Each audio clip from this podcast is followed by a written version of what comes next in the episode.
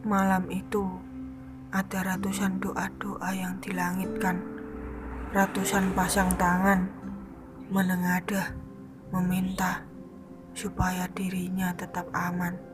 Tapi yang namanya kemerdekaan itu ya ada yang lebih dulu gugur, lebih dulu mati, dan sisanya hanya dapat kembali bertahan dan berjuang dari beberapa benteng yang runtuh.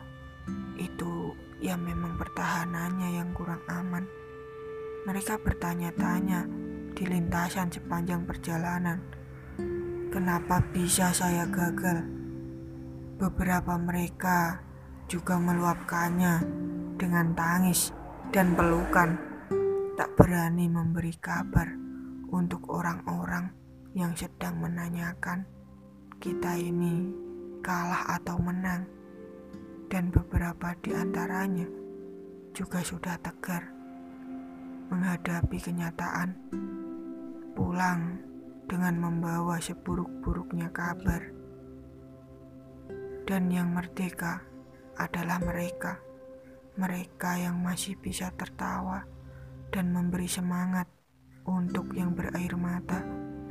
Dirinya aman, dirinya tenang, itu yang hanya bisa kita perkirakan tanpa tahu apa yang sebenarnya bisa membuat mereka tak terombang-ambing.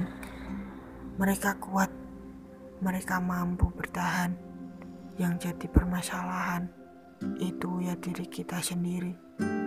Kita ini sudah berjalan sesuai lintasan atau malah kesasar jauh atau malah memang belum sampai. Kita ini sama-sama tidak tahu. Yang kita tahu hanya melaju.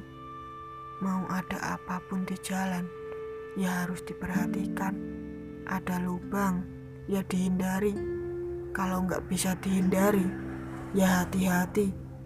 Kalau nggak bisa lagi, ya diperbaiki. Kalau kita hanya berhenti, ya kita hanya sampai sini. Selamat jalan. Hati-hati di jalan itu selalu ada di setiap perbatasan. Jadi, teruslah berjalan sampai disambut dengan selamat datang.